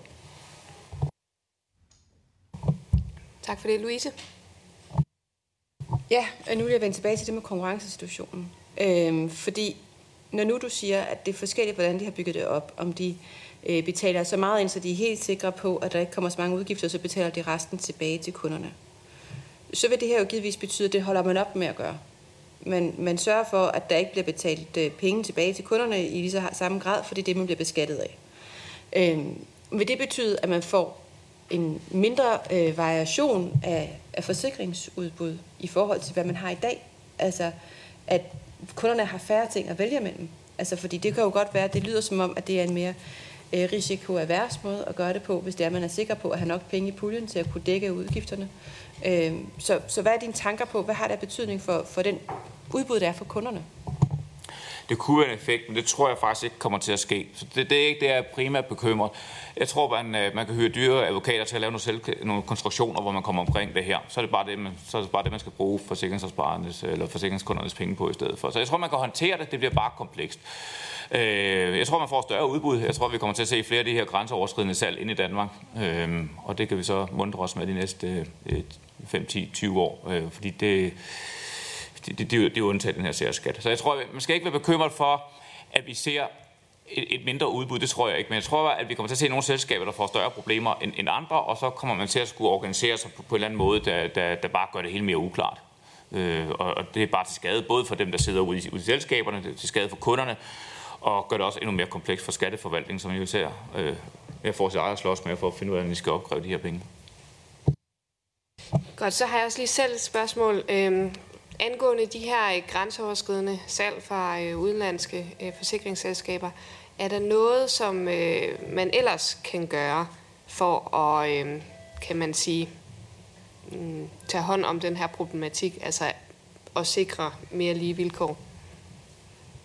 Altså lovgivningsmæssigt har man prøvet at lave nogle opstramninger efter den sag, jeg nævnte her, og, og det tager måske sådan den ene, lukker den ene hovedvej, men der er stadigvæk nogle, nogle over ind. Noget af det, vi selv gør, det er jo at prøve at være opmærksom på det, at følge med markedet, prøve at, øh, at, at, at gøre, hvad vi kan. Men, men det er svært lige at se, hvad, Altså, vi har stærkt arbejde øh, i branchen med vores europæiske kolleger i forhold til EU-kommissioner og europæiske tilsyn, så der gør vi alt, hvad vi kan. Øh, når vi ser noget, der ser mærkeligt ud, så prøver vi jo på at agere i forhold til danske tilsyn og i forhold til europæiske tilsyn. Så vi gør, hvad vi kan øh, som branche. Øh, lovgivningsmæssigt har vi svært ved at se, at vi kan komme ret meget øh, videre, men vi synes, det er så ærgerligt, at man ligefrem giver tilskud til den form for forretning. Tak for det. Og hvis der ikke er flere spørgsmål, så øh, går vi videre til det næste oplæg, som kommer fra Finans Danmark, hvor vi har administrerende direktør Ulrik Nødgaard med, og cheføkonom øh, og analysedirektør Nils Arne Dam derovre, Øhm, og chef for skat og pension Nikolaj Warming Lolleskov. Du sidder der. Også velkommen til jer. Finans Danmarks oplæg vil komme ind på, hvilke konsekvenser forslaget har for den finansielle sektor, og hvilke konsekvenser det har for kunderne. Og værsgo, ordet er jeres. Tak skal du have, og tusind tak for invitationen til at komme her i dag. Det sætter vi øh, stor pris på. Øhm, og jeg vil selvfølgelig holde mig til opdraget, og så måske også lige have et par enkelte ekstra ting med. Øh, men, øh, men, men lad os starte lidt om, om baggrunden for den her særskat, og det er jo noget, der spiller, tror jeg, fint op mod nogle af de ting, øh, Niels var inde på. Øhm, hvis vi ellers får et skifte. Okay, super. Øh, fordi lidt om, om, om de argumenter, der har været ført frem i forbindelse med, med særskatten, og, og en af dem, kan man sige, lå måske lidt indirekte i noget af det, du var inde på omkring, at IMF havde sagt, at man kunne godt begrunde sådan nogle særskatter med, at man skulle bidrage til i det omfang, der har været bankredninger og sådan noget, og, og tilbagebetale det, kan man sige, i en eller anden form. Og, og der må vi bare sige, at øh, det er jo sådan, at den bank, de bankredninger, der blev lavet herhjemme under den store finanskrise, gav faktisk et overskud til staten. Og i sidste uge fik vi Rigsrevisionens ord for, at det tal på de 17 milliarder er det rigtige tal, og at der ikke er nogen forbindelse fra den diskussion og så den her diskussion om de her obligationsudstedelser. Øhm, og, det, og det er jo ikke universelt, skal man huske på. Altså hvis du tager et land som Irland, hvor man lavede nogle bankredninger, der på mange måder mindede i det, sin natur øh, om det, vi gjorde herhjemme, så endte det med at øge den offentlige gæld med 50 procent af BNP. Men herhjemme var der jo knyttet en betaling på bankpakkerne, og derfor endte det med at give et overskud. Så, så det er væsentligt at holde sig, holde sig for øje. Så kunne man også godt i de mellemlæggende år jo have gået hen og glemt, at da selskabsskatten blev nedsat tilbage i 2013, der blev den også nedsat for finansielle virksomheder, herunder banker. Øhm, men så lavede man en lille finte, hvor man sugede, om jeg så må sige, den gevinst op ved at skrue op for den lønsumsafgift, vi er underlagt. Så man kan sige, der betalte vi sådan lidt populært sagt øh, anden gang. Og nu har vi så et forslag om, at vi øh, skal betale en tredje gang. Og man kan sige, hvis man lægger de her ting oveni, så, så ender vi altså med at få en, en hvad skal vi sige, en diskretionær forhøjelse af vores selskabsskat på, på cirka 33 procent på godt 10 år. Det, det, synes vi er, det synes vi er voldsomt. Så er det også blevet sagt, også i behandlingen i Folketingssalen, at øh, det er et argument for øh, den her særskat, at, at der ikke bliver betalt moms, og det tror jeg faktisk, man må sige, Niels redegjorde fint for, at, at der er jo altså en lønsomsafgift, som lige nøjagtigt er der for at kompensere for, at der ikke er moms. Og når der ikke er moms, så er det selvfølgelig, fordi det er lidt problematisk, hvordan lægger man moms på en rente og sådan nogle ting. Så, så, så vi er sådan set øh, på den måde et... Øh, det rigtige sted. Der er sådan cirka i hele træskolængder balance mellem de to. Så er der øh, det argument omkring øh, de høje lønninger i finanssektoren og i særdeleshed på direktionsgangen. Er det noget, man kunne, kunne øh, bruge som et argument for at lægge en særskat her? Og øh, der må man jo i hvert fald lige starte med at kigge på fakta. Øh, og, og der må man bare sige, her har vi taget fra, fra en, en lang række børsnoterede virksomheder, øh, hvad er direktørlønninger. Og det er i hvert fald meget, meget svært at vride ud af den her figur, at der er særlig høje direktørlønninger i, i bank og realkredit. Øh, det synes vi i hvert fald er, er, er svært at, at læse ud af den. Øh, på samme vis har den her høje indtjening i sektoren øh, været fremhævet som et argument for at at lægge en særskat på, på, på banker og, og andre finansielle virksomheder. Og igen her øh, synes vi, vi må sige, at, øh, at der tegner sig et andet billede. Altså, øh, så kan man sige, at det er lige et eller andet med 21, der spiller jeg 21 lidt, lidt, lidt mærkeligt her. Øh, og derfor har vi selvfølgelig også prøvet lige at kigge, kigge lidt bagud øh, her. Øh, og, og der må man bare sige, at det er sådan et forholdsvis robust billede at der ikke er tegn på en overnormal øh, forrentning i sektoren. Øh, tværtimod er systematisk øh, lavere indtjening. Så, så vi synes ikke rigtigt, at, at, at man kan finde støtte for at lave en særskat med udgangspunkt i de her tal. Så er der det her med overvæltning. Øhm, og øh, det er jo en kontroversiel diskussion. Hvor ender regningen henne? Øhm, og man kan sige helt grundlæggende og meget simpelt, så er det sådan typisk, når en sektor får større omkostninger, så kommer det til at sætte sig i priserne. Det er også det, vi ser lige i de her uger og måneder, hvor forskellige øh, energier og en gruppe priser stiger. Det også ender med at sætte sig ud i, i supermarkedet. Og det er jo selvfølgelig samme mekanisme, der så den grundlæggende gør sig gældende her. Vi har så prøvet, fordi vi er godt klar, at det er selvfølgelig en kontroversiel diskussion, og vi er en brancheorganisation, og har vi nok ikke bare selv øh, fundet på tallene. Så det vi har prøvet at gøre her, det er at tage en lang række studier fra forskellige forskere rundt omkring, og ligesom sige, hvad, hvad viser erfaring? Jeg tror, at det her sådan i, i, i hele træskolængden svarer lidt til det, du kan i høj grad, nemlig at når man lægger skatter på, på øh, banksektorer rundt omkring i verden, eller har gjort det historisk, så finder man generelt, at i meget høj grad ender det i priserne øh, på produkterne fra den finansielle sektor. Øh, det er, ser ud til at være en ret systematisk øh, fejning. Så det er bare lige for at understrege det, inden jeg nu viser beregningerne lige om lidt, så er det bare for at sige, det er altså ikke noget, vi selv har siddet og kogt op. Øh, vi har prøvet at kigge på, hvad findes der af, af, af forskellige undersøgelser.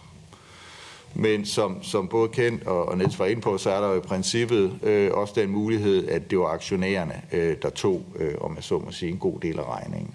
Det er der som sagt ikke noget, der tyder på, at det i væsentlig omfang er. Men det er værd måske lige at bruge et minut på at kigge på, skulle det nu være sådan? Nå, der var lige lidt med rækkefølgen her. Sorry, ja, den kommer vi tilbage til. Øhm, fordi for lige at gøre det her færdigt, og også knyttet op på de her diskussioner om omfordeling og sådan noget, så er det klart, at vi vil også få det problem i, i vores sektor, at de bankerne vil konkurrere med nogle udlandske banker. Og det er jo særligt for så vidt angår de store erhvervsvirksomheder hjemme, at de udlandske banker fylder rigtig meget i billedet. Og det betyder sådan set, at man får den her lidt bagvendte effekt, ikke? fordi det er klart, at vores allerstørste erhvervsvirksomheder hjemme, hvis en dansk bank skulle komme og forsøge at lige lægge et par basispoint mere på, på, på renten, så vil de lynhurtigt kunne tage telefonen og ringe til BNP Paribas eller Deutsche Bank og sige, prøv at høre venner, I må hjælpe os her. Og det får jo altså den lidt sjove når man også taler fordeling, den sjove effekt, at, at det bliver allersværest, kan man sige, at overvælde regningen på de allermest ressourcestærke, altså de store virksomheder i Danmark. Og det betyder på en eller anden måde, at i sådan en overvæltningsbetragtning, så bliver der, om jeg så må sige, en større regning, der skal samles op af dem, der ikke lige kan ringe til Deutsche Bank eller BNP Paribas.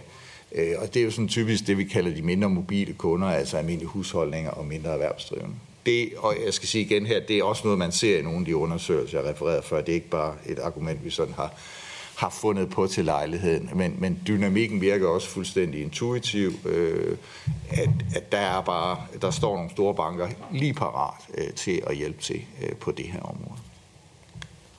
Så var der... Øh, nå, sorry, ja. Øh, så lad os kigge på tallene.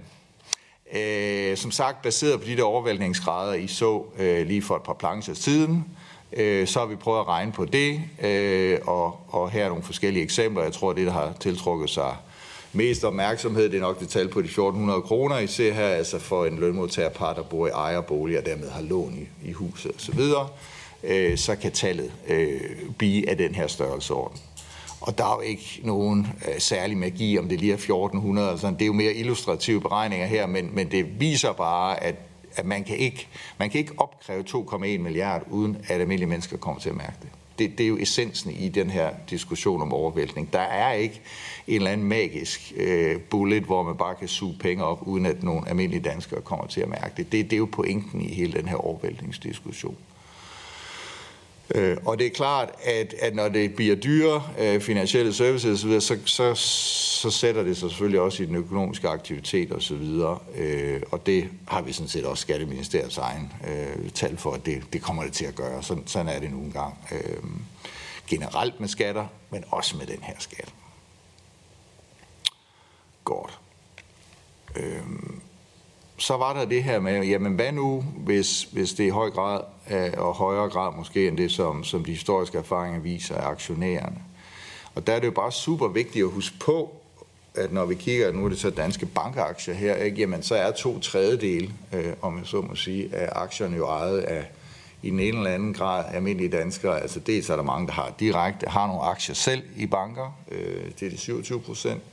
Men så er der jo rigtig mange, der har deres pensionsopsparing øh, øh, parkeret, eller måske har nogle investeringsforeningsbeviser i, i bank, eller hvad det nu kan være, som også er medejer af bankerne. Ikke? Så sig selv, hvis det nu var sådan, at det i højere grad, end hvad erfaringerne tyder på, er aktionærerne, der betaler, jamen så er det på mange lange strækninger jo sådan set øh, også almindelige danskere, der kommer til at betale den regning. Så, så som sagt, den samlede pointe herfra er vel lidt, man kan ikke tage et par milliarder, uden at, at, at danskerne kommer til at mærke det. Så en meget konkret pointe i forhold til det lovforslag, I skal behandle. Og, og undskyld mig, hvis, hvis tabellen her er lidt øh, kompleks. Øh, men lad mig prøve at sige ord, hvad der er, der står i den. Altså det, der jo er lagt op til, det er, at det er nødvendigt at hæve øh, selskabsskattesatsen for finanssektoren med 4 procentpoint. Det, jeg vil prøve at argumentere for i løbet af næste minuts tid, det er, at der er en høj sandsynlighed for, at man får flere penge i kassen, end man egentlig behøvede for at finansiere det her forslag, hvis man forhøjer den med 4, og vi, vores beregninger tyder på, at man sådan set kunne nøjes med at forhøje den med 3,1, som der står med rødt. Det var så ligesom resultatet. Hvad er det så, der foregår i, i den her tabel? Ja, der er to diskussioner. Øh, den ene, den handler om, i hvilken periode bruger man til at ligesom sige, det er sådan det naturlige niveau. Altså, hvilken periode bruger man til at regne ud fra?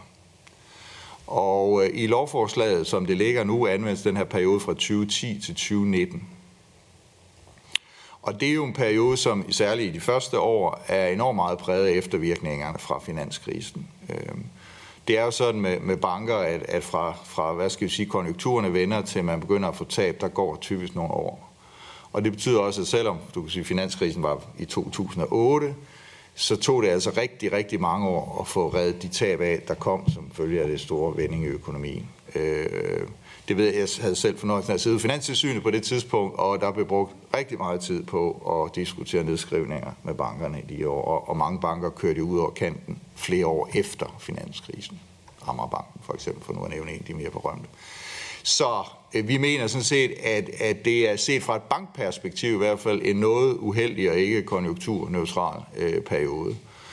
Øh, og vi har så foreslået et par andre ting, også i vores høringssvar. Altså det ene er at, at tage de der år ud lige efter finanskrisen, fordi de ikke var, så bliver det en meget kort periode. Man kunne også sige, for at være helt sikker på, at man i hvert fald kører hen over nogle konjunkturer, så kunne man også tage den meget, meget lange periode helt tilbage fra, fra 1996. Pointen er, at uanset hvilken anden periode man vælger her, så får man simpelthen et lavere behov for at sætte selskabsskatte øh, op for, for banker og forsikringsselskaber med videre. Så det var ligesom den ene dimension i tabellen. Det andet, det handler om det her med, hvordan, som, som I jo utvivlsomt har set utallige eksempler på i det her udvalg, så altid når man regner på skatter, så er der noget adfærdsvirkning. Ene, som betyder, at man sådan set skal øge skatterne øh, lidt mere, end man ellers behøvede for at få de penge i kassen, man gerne vil have i kassen. Og, øh, og når vi taler om selskabsskat, så taler man ofte om det her med muligheden for at flytte overskud øh, som en væsentlig adfærdsvirkning, mens når det er arbejdsindkomstskatter, så er det arbejdsudbudseffekterne osv. Men her er det, øh, om jeg så må sige, den del.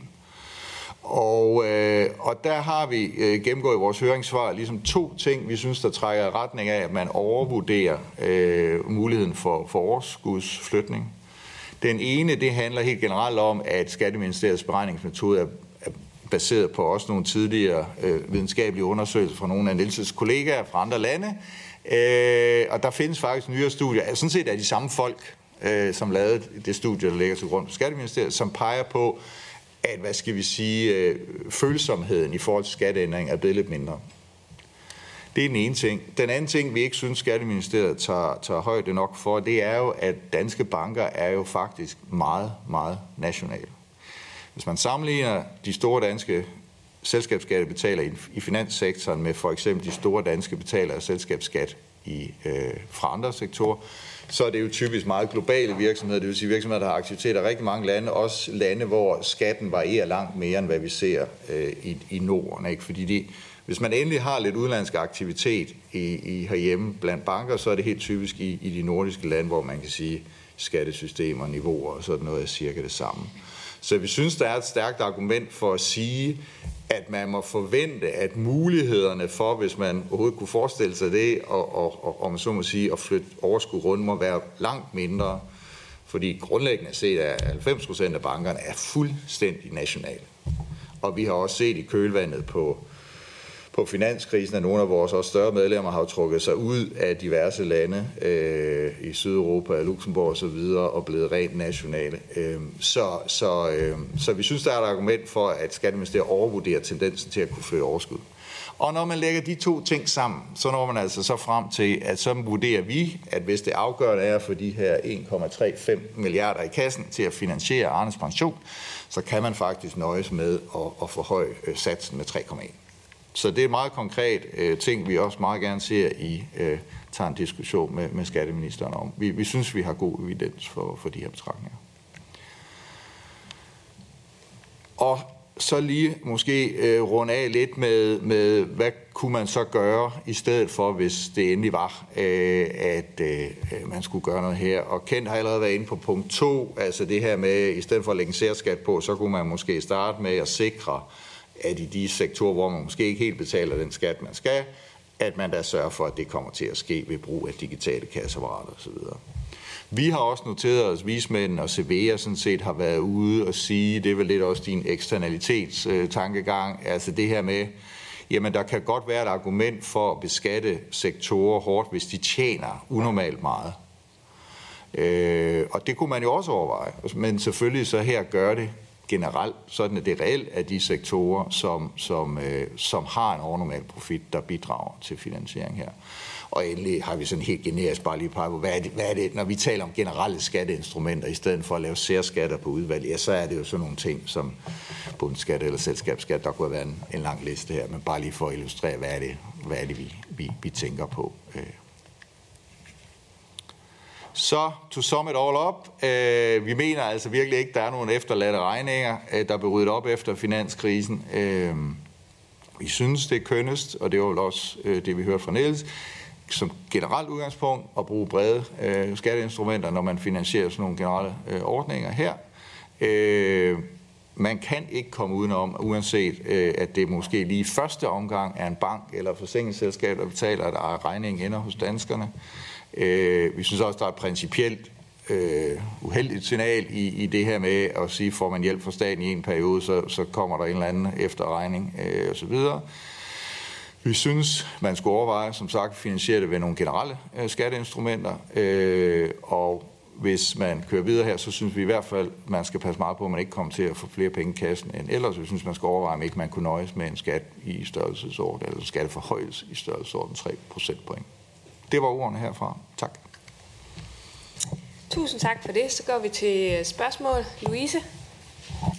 Ja, tak for øh, at komme godt omkring. Også øh, forskningen synes jeg altid, er rart også lige at have med, øh, så, så det vil jeg lige kigge nærmere på. Jeg tænker på noget af det, som I også lægger vægt på, det er, at det her det rammer, nu har vi jo allerede haft forsikringsselskaber og pensioner, men det rammer også banker og realkredit. Øhm, hvad, hvilken betydning vurderer I det vil have for danskerne for at købe deres egen bolig? Altså vil det fravide folk væk fra at eje deres egen bolig til i højere grad at lege deres egen bolig? Fordi alt andet lige vil man vil mene, hvis det bliver dyrere, øh, så, så vil det forvride i en eller anden retning.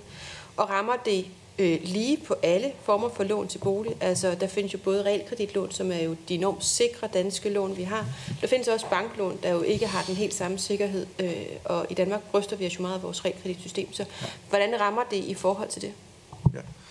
Så man kan sige, de beregninger, vi har lavet, der kan man sige, der, der smører vi det generelt ud på, på, på de samlede udlån, kan man sige, og har ikke sådan nogle detaljbetragtninger. Jeg tror også, det vil være, det er jo også kun, kan vi sige, illustrative beregninger. Altså det, der er helt, jeg mener, er en ret solid konklusion, og som også understøtter alle de her undersøgelser, det er jo altså at sige, at generelt så bliver lån og andre ydelser fra, fra banker og realkreditinstitutter dyre. Hvordan det så konkret spiller sig ud, det er jo sidste ende op til, til det enkelte institut og konkurrencen på markedet osv. så Men, men jeg mener, det er jo tvivlsomt, at det bliver dyre. Og så kan du selvfølgelig sige, så for den måde forskubber det selvfølgelig også lidt balancen mellem at være, øh, øh være lejer og, og, og, og købe hus. Ikke? Øh, men, men jeg tror, det, det vigtige er bare at sige, at det, det vil gøre det dyrere helt generelt, og i særdeleshed jo mere jo mere interaktion du har med, med, med din bank, og det betyder jo i praksis i høj grad netop, at det er folk i ejerbolig, der nok i, i, vil tendere at mærke det mere, end folk, der måske kun har en indlånskonto. Men altså i princippet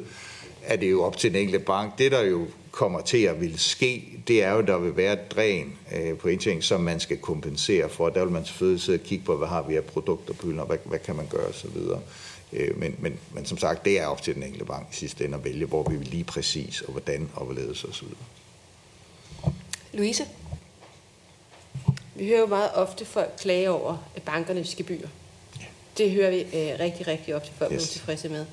Øhm, er det jeres vurdering, at det vil sætte sig i høj grad i gebyrerne? Eller, øh, fordi renterne kan det vel ikke gøre på samme måde, for de er jo markedsbestemte, de er jo ikke bestemt af hvilken skat der som sådan ligger. Eller hvor, hvor mener I, at forbrugerne vil mærke det her helt konkret? Ja, nu skal vi også passe lidt på, at vi ikke sidder og normerer, hvad mine medlemmer vil gøre og så videre, ikke? Men, men altså, det er, jo, det er jo indlysende, at der er, som du siger, der er to typer af skruer her. Det ene det er på gebyrsiden, og, og, øh, og, og den er jo også, altså nu her for eksempel kan vi sige de senere år, hvor man har været presset af negative renter, det er selvfølgelig også noget, man har kigget på og, og skrue på rundt omkring. Og der kan man sige, det her er jo lidt en udfordring af samme. Altså der, der er et dræn på indtjening, man skal kompensere for det på den ene eller anden måde. Øh, jeg tror, man vil se et, en, en, en, en, en, en vifte af, af, af forskellige, hvad skal vi sige, stille skruer, der bliver drejet på øh, på indtægtssiden i forhold til at kompensere for, for sådan en særskat. Jeg, jeg vil ikke kaste mig ud i meget konkret i, at det vil lige blive lagt på den her type udlån eller på det gebyr, men, men, men det er klart, at, at som erfaring viser, så, så vil man tage kompenserende initiativer for at opretholde indtjening, og særligt jo, kan man sige, en sektor, hvor man er i forhold til andre sektorer bagud i for indtjeningsmæssigt øh, i udgangssituationen. Så er det Ken Mikkelsen. Værsgo. Ulrik, jeg sidder lige og, og, og funderer over, altså har dine medlemmer den samme problemstilling, som det vi hørte fra Kent med, at det rammer sektoren øh, skævt? Øh, altså, øh, der er vel nogle, der er vel nogle realkreditinstitutter, som også er kundeejet øh, Øh, Øh, så, så har, har du lidt den samme udfordring øh, i din medlemskreds? Det er jo sådan lige det ene spørgsmål, du får to. Øh, den anden del, øh, det her med at se udlandske øh, banker komme ind over, over landegrænserne, øh, ser I ikke det som en stigende udfordring? Altså digitaliseringen øh, gør det jo alt andet lige nemmere også for banker at, at kan man sige, penetrere det, det danske marked. Øh, og det her vil, vil, vil bare forstærke den udvikling, vil det? Det er jo, det er jo et ledende spørgsmål.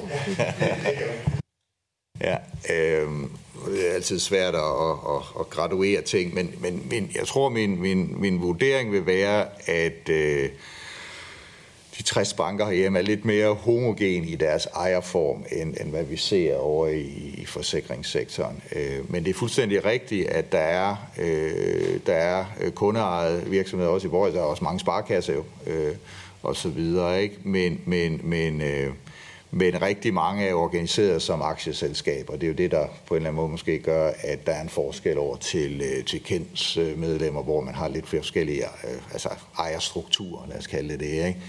Så jeg vil, øh, jeg vil umiddelbart tro, at at når vi taler inden for de danske operatører, der er der, der er der et mindre issue med det her med forskelsbehandling. Øh, til gengæld vil jeg våge den påstand, at, at altså, det er klart, at hele erhvervsområdet er et stort område for danske banker. Altså, øh, der bliver lånt rigtig mange penge ud til de store danske virksomheder, og, og, og der er øh, der er markant tilstedeværelse af udenlandske aktører, som ikke vil være underlagt den her skat. Der er også nogle af dem, der vil være underlagt, altså Nordea for State the Obvious og så videre, ikke? Men, men altså som sagt, altså BNP, Paribas, Deutsche Bank og så videre, øh, den type af, af banker er jo, hjælper jo rigtig mange, eller står i hvert fald parat til at hjælpe rigtig mange af vores allerstørste øh, virksomheder. Og så har du fuldstændig ret i, at oven i det kommer så en tendens til, øh, også uden for de store erhvervsvirksomheder, hvor man kan sige, at udlandsbanker har været i mange år osv., øh, at man helt generelt via platformer og alt muligt andet har nemmere ved at skyde sig ind, kan du sige, og også låne ud, øh, også til, til almindelige virksomheder, eller hvad hedder det, mindre erhvervsdrivende og husholdninger osv., så, videre. så det vil forstærke øh, det pres. Øh, men det er klart, jeg, jeg skal ikke skrive vores største bekymring sådan set den her, i forhold til de store erhvervsvirksomheder, der får du virkelig ulige. Øh, du, du forærer en fordel øh, til, til, til Deutsche Bank her, ikke? Louise? Tak. Øh, ja, jeg kan godt se den åbenlyse problemstilling i forhold til de internationale banker, men jeg tænker, der er vel også et andet lånemarked, som ikke er reguleret. Altså det her med øh, folk, der låner over Facebook eller et eller andet andet sted, hvor man ikke har ordentligt styr på, hvordan det foregår. Vil det her også, altså forventer I også, at det vil betyde, at de vil vel ikke bunderlagt det samme, formoder jeg, for de har jo ikke nogen selskabsskat. Øh, så, så, så, så vil det, altså, vil det her skubbe i den retning, at vi får mere uorganiseret långivning? Altså er der nogen, der måske synes, det bliver for dyrt at låne i bankerne, og så søger andre steder hen? Eller er det, er det simpelthen noget andet, der trigger folk i at gå derhen? Nej, men det er klart, det vil da lægge til den fordel, der i forvejen jo er ved, at, at man jo i realiteten ikke laver øh, kreditværdighedsvurderinger lige så grundigt, som der bliver lavet i bank. Hvis man så oven i det også får en, en skattemæssig modvind øh, i forhold til at være konkurrencedygtig, så er det da klart, det vil skubbe i den retning. Øh, og det er jo noget, vi ser lige nu. Vi ser jo, at det her marked vokser øh, kraftigt. Det har lige været evalueret i forbindelse med, med alle det her diskussion om kviklån, ikke? hvor man har set i kølvand på, at man, man forsøgte at, hvad skal vi sige, regulere hårdere den, den etablerede del af sektoren, så vokser der sjovt nok ting op ude ved siden af den regulerede del af sektoren, og på samme måde kan du sige, hvis man forsøger det, det er jo også lidt, lidt nogle af de argumenter, du er inde på, hvis man beskatter en sektor meget hårdt, ja, så er det klart, så er der en risiko for, at de aktiviteter, der ligger tæt op af den sektor, men ikke bliver højere beskattet, de også bliver stimuleret af, af det. Og det. Så det vil jeg da mene er en helt reel øh, bekymring. Tak for det. Er der flere spørgsmål? Det tænker jeg godt, vi kan have tid til. Øh, værsgo. Tak, Niels. Det er fordi, jeg kom til at tænke på en ting her nu, hvor at jeg hørte Kent og Ulrik. Øh, og det var, i hvor høj grad bliver priserne, eller skatterne overvældet priserne i, en, i et marked, der er så konkurrencepræget? Altså, hvor der er en høj konkurrence. Hvilken betydning har det for overvæltning af skatter i priserne? Jamen i virkeligheden kan man sige, at jo, altså, jo hårdere konkurrencen er, jo større overvæltningen faktisk bliver. Fordi at, øh, hvis, hvis konkurrencen er perfekt, jamen så er, er profitten ligesom konkurreret væk, og det vil sige, at, øh, at så, så vil der være fuld overvæltning til priserne. Der er ikke noget at, at tage i nogen sted. Var det svar? Super. Altid. Med mindre at der er flere øh, spørgsmål her på falderæbet, så øh, vil øh, jeg på vegne af Skatteudvalget sige tusind tak til jer alle tre, fordi at I kom her og gav os nogle gode input til det videre arbejde med øh, lovforslaget. Det har været en masse gode indspark øh, og perspektiver, som vi uden tvivl vil øh, tage videre i drøftelserne. Så tak fordi, at øh, I vil komme her i dag. Tak for det.